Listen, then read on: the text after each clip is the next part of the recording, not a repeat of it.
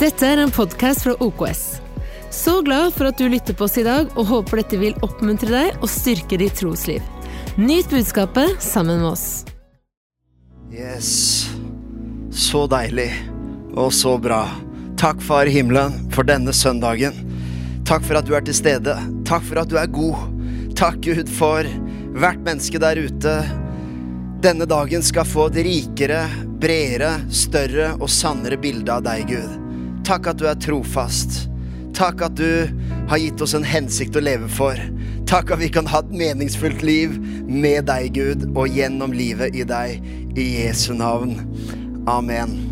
Så bra at du er med. Takk for at du har satt av tida og oppmerksomheten de neste minuttene. Jeg har gleda meg til å formidle del to av det som vi snakker om et meningsfullt liv. Jeg skal lese to litt sånn litt kryptiske vers i starten her. Eller de er egentlig ikke så kryptiske. De er bare ganske rett på sak, faktisk. Jakobs brev 4 og vers 15. Der står det, og hold deg fast Dere er jo bare røyk. Synlig en kort stund, og så borte. Håper du er oppmuntra så langt. Dere er jo bare røyk. Synlig en kort stund, og så borte. Salme 144 vers 4 sier noe lignende. Mennesket ligner et pust. Våre dager er som en flyktende skygge. De som kjenner meg, vet at jeg, jeg er litt sånn vrien jeg, når folk sier at livet går så fort. Da pleier jeg å krangle litt med dem. Hva mener du? Livet går så fort. Livet går fort, og så spør jeg ja, sammenligna med hva da? Hva, hva mener du fort? Du, og liksom, ja, hva, hvilken hastighet forventet du deg før livet begynte? Nei, du, du har ikke noe å sammenligne med. Livet går så fort. Ja, gikk det mye saktere i ditt forrige liv? Eller hva? Nei, livet går fort. Livet går i den farta det skal gå. Så jeg kan være slitsom å snakke med om akkurat det. Men jeg erkjenner i dag at Bibelen sier egentlig akkurat det samme. Dere er bare røyk. Synlig en kort stund, og så borte.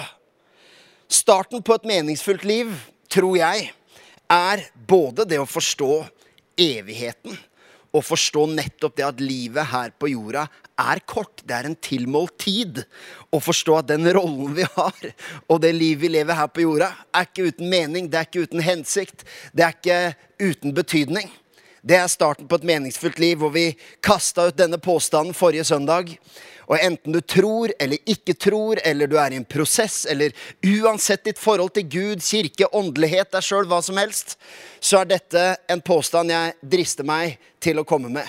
Et meningsfullt liv kommer dypest sett av å kjenne Gud, gjøre Hans vilje og forvalte det Han har gitt oss. Det er et meningsfullt liv. Jeg skal lese ett litt sånn spesielt vers til, og så, og så skal jeg love deg at du kommer til å bli oppmuntra når dette er over. Men ett litt sånn spesielt vers til. Salme 39, vers 56. Her står det Herre, lær meg at jeg skal dø. Herre, lær meg at jeg skal dø. Den, den er kanskje ikke på topp ti bønnelista di. Er det sånn når du er hjemme og ber og så, Takk, Gud, for en fin dag i morgen. Be for neste uke. Be om at jeg skal huske på at jeg skal dø. Be for påsken, at den skal bli fin. Men her står det 'Herre, lær meg at jeg skal dø'. Hvor få og tilmålte mine dager er, så jeg kan innse at mitt liv tar slutt. Jeg skal ikke elte på den setningen, men jeg hadde hatt lyst. Den åpenbaringen, den erkjennelsen, den innsikten der, å skjønne at mitt liv kommer til å ta slutt. Og det er mer enn bare sånn filosofering. Det har virkelig med å forstå Guds vilje og Guds hensikt å gjøre. Og innse at mitt liv kommer til å ta slutt. Jeg skal ikke leve evig her på jorda. Det står 'Se en håndfull levedager har du gitt meg'. Min levetid er som ingenting for deg. Hvert menneske er et pust. Legg merke til hva som skjer med en del mennesker når de har en nær døden-opplevelse. Og som sagt, Jeg skal ikke utdype dette temaet veldig. Vi har bare en liten sånn eh, tankemessig innledning, og så skal jeg gi deg noe skikkelig krutt om bitte litt. Men hva er det som skjer av og til når folk innser altså det som sto i verset her, eh, Så jeg kan innse at mitt liv tar slutt. Det er ganske spennende å høre en del mennesker som har hatt nær døden-opplevelser, også kjendiser. Og det behøver ikke engang ha vært noe åndelig aspekt ved det, selv om det kan være det også. Og hvordan møtet med døden Møtet med erkjennelsen at dette livet har bare en avgrenset tilmålt antall dager. Se hva det gjorde med dem. For noen av dem forteller de det snudde opp ned på alt. Hvordan jeg ser hver dag. Hvordan jeg prioriterer livet mitt. Hvordan livsstil, Hva de verdsatte, hva de ga oppmerksomhet til, hva de hadde meninger om. Det forandra alt. Og det er interessant enda så vanskelig det kan være for et menneske, vi vet jo det, hvor dypt av og til verdisystemet vårt og de grunnleggende overbevisningene kan sitte. Vet du hva som var i stand til å forandre det fundamentalt hos en del mennesker? Erkjennelsen av døden. Erkjennelsen av at dette livet har noen tilmålte dager. Eh, mange forskere og samtidskommentarer peker faktisk på hvordan vårt vestlige, sekulære samfunn har et veldig komplisert forhold til død. Det er et av de største tabuene vi har i vår kultur. Enda vi tenker vi er veldig åpne og frie og snakker om hva som helst. Men vi har et mer komplisert, hevder en del forskere, vi har et vanskeligere forhold til død enn det veldig mange andre kulturer har. Og det er interessant at en kultur der majoriteten Majoriteten tror at livet kommer fra et stort ingenting, og egentlig bare er frukt av en tilfeldighet. Så skulle logisk sett også døden bare være ingenting og resultatet av de samme tilfeldighetene. Men det er interessant at i en sånn kultur, der man tror på de tilfeldighetene, får vi et veldig komplisert forhold til død. For oss som er troende, så tror jeg at et meningsfylt liv, det begynner med, for det første, og forstå at ditt liv er ikke bare fra ingenting og tilfeldigheter. Ditt liv eksisterer med en hensikt. Kanskje du tenker ja, det er litt sånn søndagsskolebudskap. Ja, Gud har en plan for livet ditt. Du verden hvilken innsikt det er for også voksne mennesker gjennom livet, gjennom karriere, gjennom familieliv, gjennom hektiske hverdager, gjennom alle dager vi er blitt tilmålt. Å ha den innsikten at mitt liv har et poeng.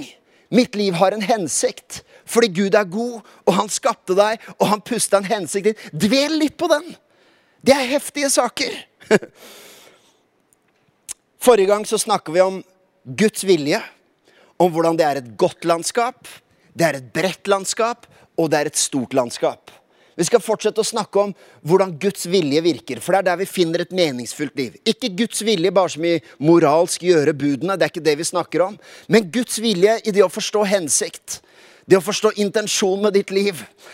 Og vi snakker om hvordan Guds vilje er et godt, bredt og stort landskap. I dag skal jeg gi deg tre sånne knagger til, og her kommer den første. Guds vilje. Jeg skal si at Guds vilje er nå, den er her, og den er deg. Men nummer én er Guds vilje er nå. Guds vilje er nå. 2. Korinterbrev 6 og vers 1-2. Og bare spenn sikkerhetsbeltet, for nå, dette blir bra.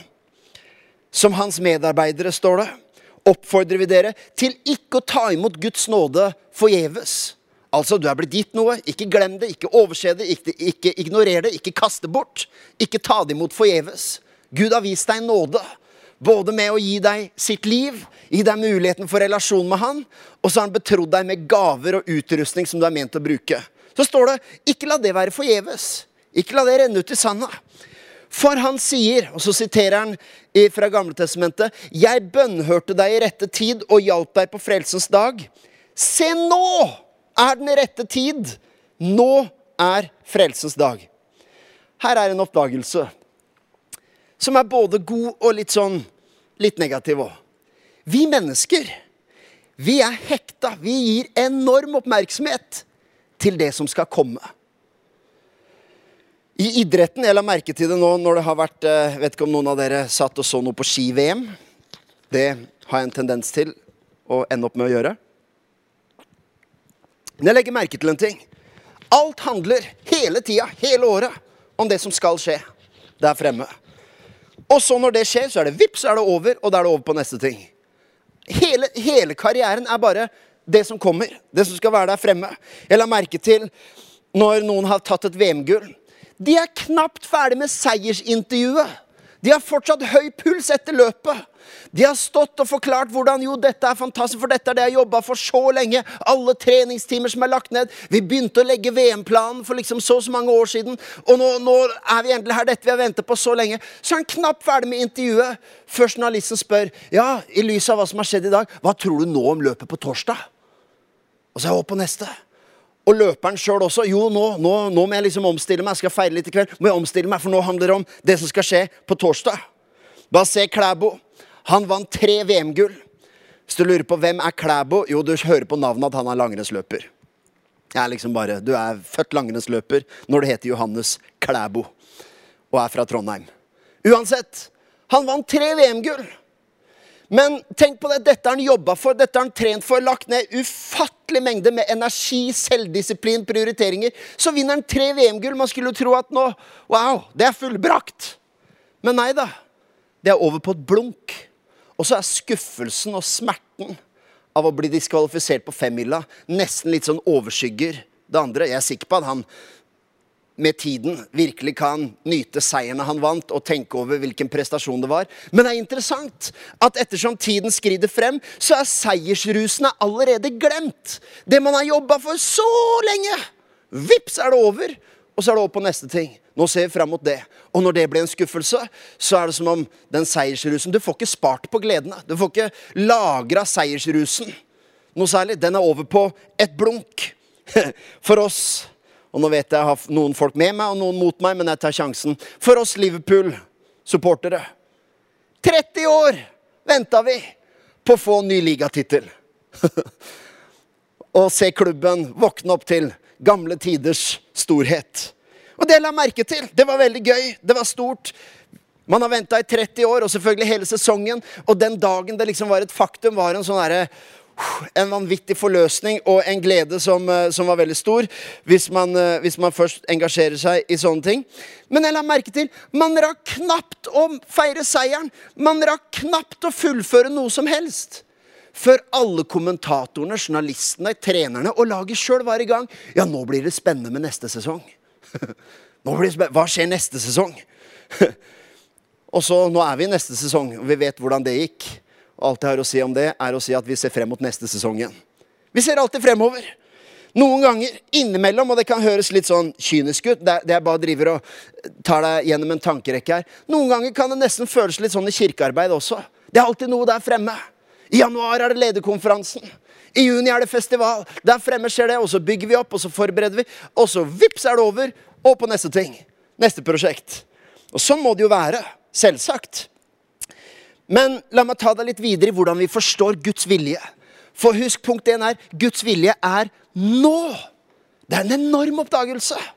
Du skjønner, På den ene siden så er det en viktig egenskap hos mennesket. Jeg tror vi er innlagt med evnen av å ha et håp. Et håp om noe bedre og ha forventning om noe godt. Så jeg snakker ikke det ned i det hele tatt. Du kommer fortsatt til å høre meg snakke forventning om ting som skal komme. Men her er svakheten ved den samme egenskapen.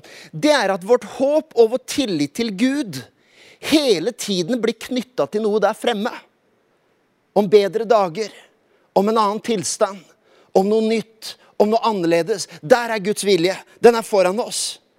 Her er en revolusjonerende tanke. Den er det for meg, og jeg håper jeg skal evne å formidle det ved Den hellige ånds hjelp inn i ditt hjerte. Guds vilje er nå. Den er nå. Jeg la merke til meg sjøl hvor mye jeg, Når jeg tenker på Guds vilje for livet mitt, Guds vilje for OKS, Guds vilje for familien Hvor mye man tenker på de neste ti årene. Om Guds vilje. Ja, når vi virkelig lever Guds vilje på det området, da blir det sånn, og da blir det sånn. Og så oppdager du hvilken revolusjonerende oppdagelse eller hvilken, hvilken innsikt det er å forstå hva er Guds vilje de neste ti minuttene. Og begynne å tenke det og innse det i hverdagen. Ikke som en sånn krampaktig stressa greie. What would Jesus do akkurat nå? Hva ville han hatt på brødskiva? Eller en sånn detaljgreie med Guds vilje. Han vil sikkert ikke at jeg skal ha salami. Og i hvert fall ikke Nugatti. Er det gulost? Det er ikke det jeg snakker om. Jeg snakker om hva er mitt håp og min forventning til Gud knytta til. Jo, Guds vilje er hvis det blir sånn. Den er der i fremtiden. Nei, vet du hva? Se, i dag er frelsens dag. Nå er frelsens time. Det er en veldig utbredt tanke om at når vi bare kommer dit, da skal det bli bra. Da skal jeg få oppleve og erfare Guds vilje. Når det blir sånn. Jeg har tenkt sånn som pastor noen ganger òg. Når OKS kommer til det punktet, når vi har brutt gjennom de murene, når vi har det gjennombruddet, da virkelig kan vi fryde oss i at Gud har liksom fått sin vilje med kirken vår. Men tenk, Guds vilje er nå. Guds vilje er i dette minuttet. Gud har en hensikt for oss nå. Eller så blir vi bare som idrettsfolk som hele tida ser frem mot neste. Vips er det over. Frem, fremover, fremover, fremover. Og jo visst, vi er visjonære, vi er målretta, vi har drømmer og visjoner for fremtiden. Hørte jeg bitte lite amen i en eller annen sofakrok? Selvsagt har vi det. Men det er virkelig en oppdagelse når du også tenker på gavene du har fått. For husk, vi snakker om et meningsfullt liv. Og at noe, et meningsfullt liv kommer ved å leve ut de gavene vi har fått. Er det ikke utrolig ofte når vi tenker på det Gud har gitt meg, og de gavene som jeg er blitt gitt, så er vårt håp alltid knytta til hvordan Gud skal bruke meg i fremtiden. Da kommer det til å skje. Men tenk! Hvordan vil Gud bruke deg de neste ti minuttene? Jeg skal hjelpe deg til å forstå hva det betyr. Men Guds vilje for deg er nå. Du skjønner? Jeg er sikker på at du, i likhet med meg og Katrine, kanskje, kanskje ikke alle, men noen, at du har en eller annen gang i løpet av livet satt deg ned bare for moro skyld og tenkt på Hvis vi vant ti millioner i Lotto, hva ville jeg brukt det på? Det er et spennende spørsmål. Rekk opp hånda alle som har toucha innom den tanken i løpet av livet noen gang. Yes. Stort sett alle teknikere og sånn i studio. Spesielt teknikere har drømt om det. For svaret på det spørsmålet er teknisk utstyr. Tenk deg ti mil av hverandre. Hva skulle du brukt det på? Jeg kan love deg én ting. De hadde klart å bruke det veldig fort. Hadde ikke vært vanskelig. De hadde brukt ti mil, og så hadde de sagt vel, vi, eh, takk for de ti millionene vi fikk. Det er bare at det utstyret forutsetter at vi må ha en del annet utstyr, ellers så passer ikke det vi kjøpte. True story. Du skjønner, vi har sittet og lekt litt med, med, med tanken av og til. Hva, hva, hvem ville vi gitt til? Hvis vi tenker i det sjenerøse hjørnet. Hvem ville vi hjulpet? Jeg har virkelig noen ganger tenkt Hadde vi hatt det da, da skulle vi gjort det for de menneskene. Da skulle vi, da skulle vi overraska den familien, osv. Men se livet ditt utenfra i dag. Hvis du ser det livet du har akkurat nå, se utenfra, se på det mennesket og si Hva ville jeg gjort med det han der har? Hva ville jeg gjort med det i dag? Hva er Guds vilje med det jeg er blitt betrodd i dag? Jeg kan drømme meg bort og tenke hvis Gud hadde gitt meg sånn og sånn, da ville jeg prikk, prikk, prikk. Eller så kan du stoppe opp og si Guds vilje er nå i det han har betrodd meg i dag. Vet du hva? Det er et meningsfullt liv. Kom deg bort fra ideen om at når jeg får det og det på plass, da skal jeg begynne å bli sjenerøs. Når bare jeg har fått utviklet det og det, da da, da, kan jeg begynne å tjene Gud. Når vi bare er ferdig med oppussing, hørte et amen. Når vi bare er ferdig med oppussing, da skal jeg begynne å liksom være ledet av Gud med, med venner og, og, være litt mer tilgjengelig her og der. Når vi bare har fått flytta, så skal jeg ta en kaffe med deg. Hør, Selvsagt er livet litt ulike sesonger. Jeg forstår det. Småbarnsfasen kan være hektisk og travel. Det fins andre faser, studietilværelsen osv. Jeg har funnet ut at man kan, i teorien kan man gå egentlig hele livet og ha en unnskyldning.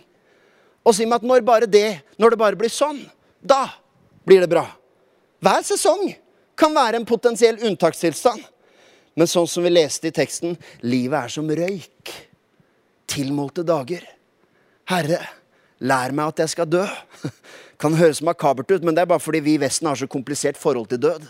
Men Gud, lær meg, vis meg at dette livet tar slutt. Vis meg er din vilje i dag.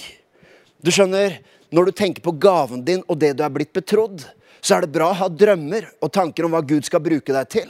Men jeg har lyst til at du skal også stoppe opp og knytte det til. Se hva, hva du har fått. Det er på tide å leve i gaven din i dag. Det er noe du har fått. Og det jeg vet om Den hellige ånd, er at han, han tar ikke alltid hensyn til tid og faser. Det har jeg lagt merke til. Han er, han er, ikke sånn at Ja, Thomas, i, i, i, dag vil jeg egentlig lede deg til å være et skikkelig bønnesvar for en person som, som roper til meg, men, jeg, men vi, vi, tar det etter oppussinga. Han ser ut til å ignorere faktaene noen ganger. Eller Thomas, jeg har, jeg har, et mirakel på gang for hverdagen og livet, men det forutsetter at du må stole på meg i et par ting. Men jeg, jeg ser at vi, vi, bør kanskje ta det etter det prosjektet der. Kan bli, kan bli litt Nei, vet du hva? Guds vilje er i dag. Gud har ord til deg nå. Gud har sannhet for deg i dette øyeblikket. De gavene du er blitt betrodd, et meningsfullt liv. Denne prekenen handler ikke om noe du kanskje skal oppleve der fremme. Hvis du gjør de rette tingene og tror på de rette prinsippene, så kan du få et meningsfullt liv. Jeg vet at du kan ha motargumenter, men jeg drister meg til å si i dag et meningsfullt liv fins nå. I dag. Guds hensikt er nå her. Og det, det er sånn, eh, Bare en parentes. Det står i Lukas 16, 10 om at den som er tro i smått, er også tro i stort. Og Det verset ofte utfordrer meg, for jeg har ofte tenkt sånn at hvis det jeg har, bare blir stort nok, så skal jeg gire opp innsatsen.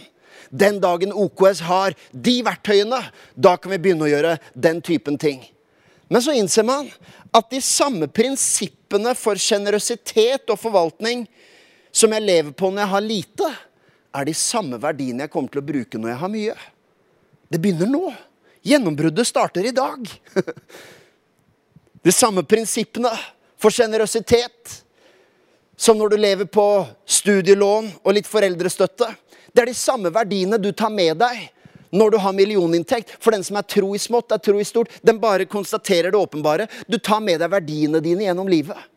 Vet du at et meningsfylt liv også for din økonomi begynner i dag? Det er nå. Matteus 10, 7. Jesus instruerer disiplene og skal sende dem av gårde. Så sier han, gå og forkynn, himmelriket er kommet nær. Himmelriket er kommet nær. Hør her. Språkkommentarer har sett på det verset, og flere bibelkommentarer som peker på at når Jesus sier at himlenes rike er kommet nær, så mener han ikke bare i fysisk avstand, altså at Gud kom til jorda. Han snakker om tid. For er det noen som venter på noe, så er det jødene. De venta, for de levde under både romersk undertrykkelse til, til en viss grad, og de venta på Messias, de venta på et håp. De trodde absolutt at Guds vilje lå der fremme et sted. Så kommer Jesus og sier himlenes rike er kommet nært, i tid. Det er som om, hvis vi, hvis vi oversetter eller drar setningen litt lenger, så er det som om Jesus sier hei, dere driver og venter og venter og venter, men himlenes rike er nå. Det er kommet nært i tid. Jeg har lyst til å si det på den måten her. Det er bra å ha drømmer, visjoner for fremtiden. Det er vi absolutt eh, i den gata også her i OKS. Men jeg tror at når det gjelder et meningsfylt liv og Guds vilje for deg, så er det å oppfylle de drømmene du har i hjertet for fremtiden, er ved å bruke det du har i hendene i dag. Han har gitt deg noe i dag. Bruk det som er i hendene, til å oppfylle det som er i hjertet. Og det begynner nå. Vet du hvilken setning som skiller det kristne evangeliet fra all annen religion? Det som er forskjellen på buddhisme, islam, humanisme all, Det som skiller evangeliet fra all annen religion. Det er interessant nok setningen 'Det er fullbrakt', som Jesus roper ut på korset. Jeg vet at den setningen rommer mye mer enn bare det jeg preker om i dag. Men la oss se det også i dette lyset. Jesus sier, 'Det er klart. Det er ferdig. Bordet er det, Maten er servert. Kom. Smak. Kjenn at Herren er god. Du skjønner, Alle religioner venter på noe. Hvis du mediterer, så når du nirvana. Hvis du lever godt i dette livet, så kan du, et, eh, kan du, bli noe bedre i ditt neste liv. Hvis du holder disse fem søylene, så får du Guds gunst og Guds rettferdighet. Du skjønner, Alle religioner har dette ventekonseptet. Hvis bare sånn og sånn og sånn og sånn, så sier Gud grønt lys. Evangeliet er Gud sier grønt lys. Vær så god, velkommen. Kom som du er. Kom med det du har, og ta imot den nåden som er tilgjengelig for alle mennesker. Når vi leser Guds ord, når vi leser Bibelens løfte, så må vi også forstå at det, Bibelen er ikke bare håpefulle løfter om noe som skal bli. Vær med meg på den tankerekka her nå, for det her er til trøst og hjelp for deg også som har det tøft og krevende og vanskelig akkurat nå. Og du tenker jo et meningsfullt liv, Thomas. For meg er det knytta til at omstendighetene må endre seg. Akkurat nå er det vanskelig å se et meningsfullt liv, for det er så tøft. Vet du hva? Jeg drister meg til å si Guds vilje for deg er i dag. Guds vilje er nå. For du skjønner, Guds løfter er ikke Skal jeg si Vår tillit til Gud er ikke bare knytta til håpet om at Gud skal gjøre noe bedre for meg, eller om at jeg skal få se bedre dager. Det er det også. Hello, vi tror på bønnesvar. Vi, tror på, vi er en sånn type kirke, enten du liker det eller ei. Vi tror på mirakler. Vi tror på at Gud skal gjøre ting. Vi har forventning også for fremtiden. Så det er ikke en motsetning. Men likevel, likevel, så er min tillit til Gud, min takknemlighet til Gud, min bekjennelse av Guds trofasthet er ikke bare knytta til håpet om forandring. Det er knytta til nå. Hvordan vet jeg det? Jo, Salme 23 er en av de salmene som, som beskriver dette aller, aller best. Hvordan vi kan, vi kan, tenke at Guds godhet er i fremtiden når ting blir bedre. Eller så kan vi se vet du hva, Guds godhet den er midt i dødsskyggens dal. Jo visst tror jeg på bønnesvar. Jo visst tror jeg at Gud kan forandre dine omstendigheter og din situasjon. Men akkurat i dag vil jeg at du skal bare pause den tanken litt. Og midt i dødsskyggens dal, midt der hvor du vandrer, vandrer, akkurat nå, sånn som salmisten gjorde i Salme 23, vet du hva han sier for noe i vers 5? Han sier, 'Du dekker bord for meg like foran mine fiender'. Han sier ikke bare 'Gud, jeg har sånn tillit til at en dag skal du fjerne mine fiender', og da skal jeg virkelig lovsynge og være takknemlig. Nei, han sier, midt blant fiendene, selv når jeg går i dødsskyggens dal, midt her sånn, så dekker du et bord for meg. Guds vilje er nå. Enten du har solskinn eller går gjennom dødsskyggens dal. Guds vilje er i dag. Amen. Guds vilje er her, og jeg lover punkt to er mye kortere enn punkt én. Vi nærmer oss slutten. Men Guds vilje er nå. Guds vilje er her. Legg merke til en ting til. Du skjønner, I Lukas 17, 20, et nydelig bibelvers, og vers 21, så står det sånn En gang spurte fariseerne Jesus når Guds rike skulle komme. For de venta på det. Tenkte at det er et eller annet sted der fremme. Så svarer Jesus, Guds rike kommer ikke på en slik måte at en kan se det med øynene. Ingen vil kunne si 'her er det' eller 'der er det', for Guds rike er midt iblant dere. Altså Én ting er kristnes forventning om at Guds vilje er der fremme et sted. Men nesten like merkelig er kristnes forventning om at Guds vilje er et annet sted. Men i dag sier jeg et meningsfullt liv. Guds vilje er nå, men den er også her. Der hvor du er. En veldig utbredt tanke blant kristne, som ikke er helt feil. Fins mye fint med den. Men, men, noen ganger så er det som om man tenker at hvis Gud virkelig skal bruke deg til noe, og det virkelig Guds vilje skal synliggjøres i livet, så har man denne tanken om, om, at, om at Gud skal alltid sende meg et eller annet sted. Alt et annet sted Gud vil ha meg. Og jeg tror absolutt på at Gud sender mennesker. Selvsagt gjør jeg det. Men kan det være at inntil du er noe annet sted, så har Gud sendt deg hit? Du er der du er, og der er Guds vilje. I stedet for denne tankegangen om at jeg kan leve ut Guds vilje når jeg har kommet dit, når Gud har sendt meg til det stedet, når vi har fått forberedt de planene og få gjennomført, eller Nei, vet du hva? Guds vilje er der hvor du er. Han har sendt deg der hvor du befinner deg, så sier jeg ikke at det nødvendigvis er for resten av livet. Men jeg, jeg, vil bare du skal distansere deg fra denne tanken om at Guds vilje står i ventemodus inntil jeg er på det stedet jeg skal. Nei, nei, nei. Guds vilje er i dag. Han er der hvor du er. For de menneskene han har sendt deg til. Det, sånn, å være utsendt, det er ikke bare en tidsavgrenset, geografisk begrensa eh, sted og tid. Det å være utsendt er en livsstil vi har når vi lever et meningsfullt liv og vet at Gud har sendt meg. Han har sendt meg til der jeg er. Og de menneskene har min omgivelse her og nå. Et annet bibelvers som er en av mine favoritter. Og denne har jeg, denne jeg snakka om før også, men 5. Mosebok 28,3, som bare er en setning i oppramselsen av ulike velsignelser og løfter som ble gitt til eh, Israel. Og som i Kristus er oppfylt i oss. Men la oss bare se den ene her. Fordi det står 'velsignet er du i byen'. Det vet vi, det er Oslo. Velsignet er du på marken. Det er bjørkelangen. På hebraisk står det bjørkelangen. Vet du hva jeg syns er fascinerende med det verset? Velsignet er du i byen, velsignet er du på marken. Og det er så bra. For vet du hva det forteller meg?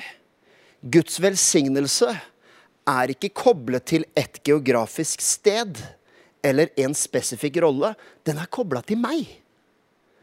Velsignelsen er over deg. Så hvis du er i byen, så velsigner Gud deg i byen. Hvis du er på marken, så velsigner Gud deg på marken.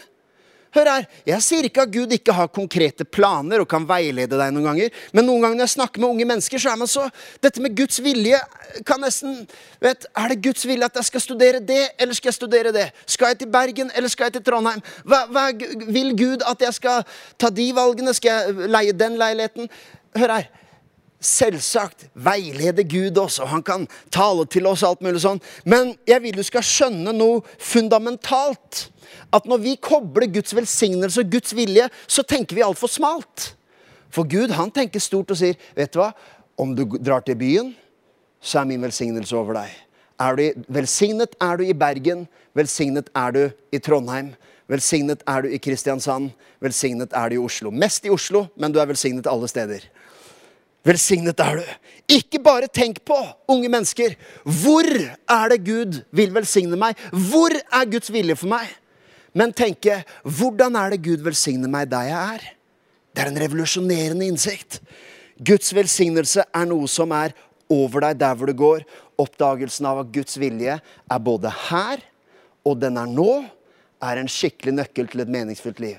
La meg gå til det tredje og siste punktet, og så skal jeg runde av med dette. Guds vilje er ikke bare fremme et sted. Guds vilje er ikke bare et annet sted. Men Guds vilje er heller ikke bare hvis du blir en annen person. For punkt tre er Guds vilje er deg og den du er i dag. Hvis du bærer over med meg bare, eh, Jeg har 4 minutter og 38 sekunder igjen. Og jeg, skal, jeg, har en, eh, jeg har en ambisjon i dag med å holde tiden. det skal jeg. Nå sier jeg det så tydelig at hvis ikke jeg holder tiden i dag, så Ok. La meg si det jeg skulle si. Vet, Man kan tenke jo, men Guds vilje for meg Når jeg virkelig lever ut Guds plan for livet mitt, så tenker noen jo, det er et sted i fremtiden. Hvis, hvis ting bare blir sånn og sånn. Eller man tenker det er på et annet sted når Gud har sendt meg hit og dit. Og så er det også denne tanken om at Gud vil virke gjennom meg når bare jeg blir sånn. Når jeg har kommet til det stadiet. Når jeg har lært meg de tingene. Når min karakter er utviklet. Og jo visst er det sånn, kjære alle sammen. Det fins oppgaver vi må forberedes for. Jeg er glad for at den oppgaven jeg og Katrine gjør i dag, at ikke den kom fem år tidligere. Det er helt klart at det var ting som vi måtte lære, og ting som måtte forandres i oss, og ting vi måtte se klarere før vi stupte ut i det som vi gjør i dag. Så, så ta vare på den sannheten også. Men det jeg vil du skal distansere deg fra, det er ideen om at når, når, jeg bare blir sånn, når jeg har blitt hellig, når jeg har blitt åndelig, når jeg har begynt å lese mer i Bibelen, når jeg har fullført bibelskolen, når jeg har lært meg de tingene, da virkelig vil Gud kunne bruke meg. Vet du hva, jeg har gode nyheter. Et meningsfullt liv ved å leve ut Guds vilje, det er både nå, det er her, men det er også den du er i dag. Gud sitter ikke bare og venter på at endelig en dag skal du bli den personen jeg kan bruke. Nei, Gud sier Gi meg det du har, så skal jeg vise deg. Gi meg det du har. Gi meg den du er. Du vet, Det er en fascinerende historie i Gamle Testamentet om kong David når han skal bekjempe Goliat. Og så blir han egentlig sendt av Han var ikke konge ennå da, men kong Saul er den som er lederen. Han er sjefen. Og skal etter litt uh, motvillig uh, samtale, holdt jeg på å si, så skal han sende, uh, sende David til å bekjempe Goliat. Og så prøver de å kle David med Saul sin rustning. Og Det er sikkert en, en tekst som noen av dere har hørt mange andakter om. Men det er interessant at de andre tenkte at hvis David skal nedkjempe Goliat, da er det litt sånn Guds vilje i denne saken ligger i måten Saul kriger. Det ligger i den metoden, det ligger i den personen. Så vi tar rustningen over David. Men David innså at Guds vilje for meg ligger ikke i at jeg, hvis jeg bare tar Sauls rustning, der er Guds vilje. Guds vilje er i Saul sin rustning. Men David innså Guds vilje er over meg. Den er over Saul også. Du trenger ikke alltid måle andres gaver bare ut fra hva som er dine gaver. Vi har en tendens til det, at jeg bedømmer andre ut fra hva jeg er sterk på. Nei, andre har sin rustning. Men det er en nydelig oppdagelse at selvsagt fins det vekst, modning, karakterutvikling, kjempeviktige ting. Men den du er i dag, den personen du er akkurat nå, sier Gud, Guds vilje er anvendelig i det mennesket som du er nå. Så kan ting transformeres og utvikles, og alt sånt. men Gud venter ikke på at du skal komme til et visst stadium. Han er klar og sier 'Guds vilje er for deg her, den er nå, og den er i deg'. 1. Peters brev 4,10, siste bibelvers, sier at ettersom enhver har fått en nådegave, så tjen hverandre med den som gode forvaltere av Guds mangfoldige nåde. Tygg litt på det verset. Enhver har fått en nådegave. Tjen hverandre med den som god forvalter av Guds mangfoldige nåde. Hvilken mening man kan ha i livet av å leve det. Tenk for et meningsfullt liv. Gud har gitt meg en nådegave som ikke bare er et annet sted, en annen tid, og når jeg blir en annen person, Gud har en nådegave som jeg er ment å bruke nå, her, og med den jeg er i dag. Du verden så god Gud er. Ja, men du tenker, ja, men eh, meg, jeg, jeg er ikke er, ikke, jeg er halvferdig. Jeg er ikke bare en uslepen diamant. Jeg er fortsatt ikke funnet i jorda. Vet du hva? Det er derfor det heter nådegave. For det er av Hans nåde. Så han bruker det ikke Han vil ikke la sin vilje virke gjennom deg på grunn av dine kvalifikasjoner. Han vil bruke det på tross av dine begrensninger. Guds vilje er nå, og den er her, og den er deg. Den er deg. Depresjon, utilstrekkelighet, sammenligning, den kan komme av og til når andre har prøvd å tvinge på oss en rustning som ikke er oss i det hele tatt. Og jo, vi må lære av hverandre, og vi kan må kunne la oss veilede og korrigere, men Gud har en rustning som er din, som er deg, og den du er.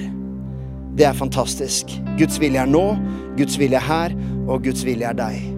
For deg som ikke kjenner Jesus, deg som ikke vet om du er en kristen, som ikke helt vet hva du tror på, eller du har hatt en tro, en barnetro, en ungdomstro, men du vet ikke helt hvordan den står i dag. Da har jeg lyst til å si deg én ting. Når jeg sier at et meningsfylt liv er Guds vilje, så er Guds absolutt første vilje med deg er å ha relasjon. Lenge før han tenker på hva han skal bruke deg til. Når jeg fikk mitt første barn, vi, jeg og Katrine, fikk Theodor, så sto ikke jeg og holdt Theodor i armen og tenkte 'Å, fantastisk, jeg har blitt pappa', men jeg lurer på hva jeg kan bruke ham til. Jeg ser frem til at han kan klippe gresset, måke snø for meg, eller gjøre et eller annet. Det skal bli Jeg, jeg må få brukt den til noe, ellers er alt dette forgjeves. Nei, det, mitt første intensjon med barnet mitt er bare kjærlighet, takknemlighet, entusiasme. Og vet du hva, det er Guds første vilje for deg. Jo visst vil han bruke oss til noe, det er jo det jeg har prekt om i dag. Men hans første vilje med deg er å se deg, fryde seg over deg. Det står at han ser på oss med jubel. Og han ønsker at du skal kjenne han og ha relasjon med han. Gud sendte sin sønn Jesus for å åpne opp en vei så vi kunne ha relasjon. Jesus ropte 'Det er fullbrakt!' For at du kunne bli kjent med Gud, ikke når det blir sånn, i en annen tid, på et annet sted, på en annen måte, når du er et annet menneske, når du er åndeligere. Nei, Jesus sa 'det er fullbrakt', for han tok all straffen på seg.